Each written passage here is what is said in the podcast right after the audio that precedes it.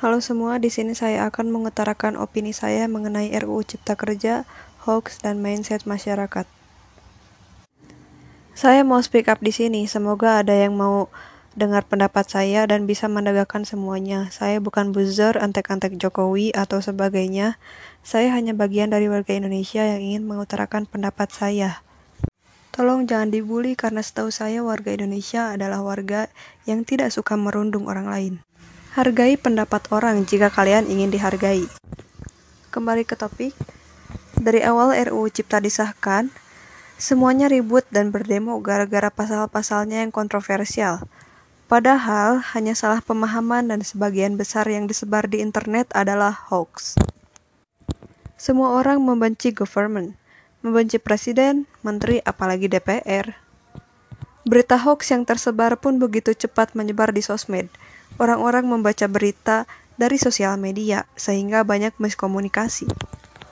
Mahasiswa-mahasiswi, buruh, tenaga kerja, bahkan masyarakat turut ikut berdemo. Tujuannya tak lain adalah untuk membatalkan Omnibus Law. Mungkin cara DPR untuk mengesahkan undang-undang itu salah, apalagi sampai mematikan mic ketika ada yang berbicara.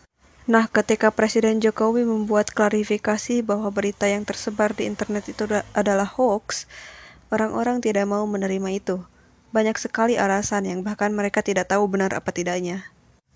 Orang-orang berkata, Hei, yang nolak itu kebanyakan mahasiswa kritis. Kalau sampai merugikan rakyat kecil, kenapa ada demo? Cuma gara-gara hoax doang gitu. Gak jelas banget pak, mending bapak lengser aja jadi presiden. Sahabatku, jika orang sudah terlanjur membenci, mereka tidak akan dengan mudahnya mempercayai orang-orang yang dibencinya. Sekali benci tetap benci, bahkan banyak orang yang ikut membenci apa yang kalian benci. Nah, kenapa sih Indonesia sangat mudah terkena hoax di sosmed? Dilansir dari CNN Indonesia, konsumen Indonesia lebih mudah menerima konten online. Hal inilah yang menjadi alasan mudahnya berita bohong alias hoax mudah tersebar di Indonesia. Di era berita bohong, 61% konsumen Indonesia dengan senang hati mempercayai informasi yang mereka peroleh. Angka tersebut didapat berdasarkan survei yang dilakukan kantor TNS dalam riset Connected Life 2017. Tingginya tingkat kepercayaan konsumen Indonesia dengan konten online ini berbanding terbalik dengan tingkat kepercayaan penduduk dunia di mana hanya satu dari tiga atau 35% penduduk dunia yang menganggap konten yang mereka lihat dapat dipercaya.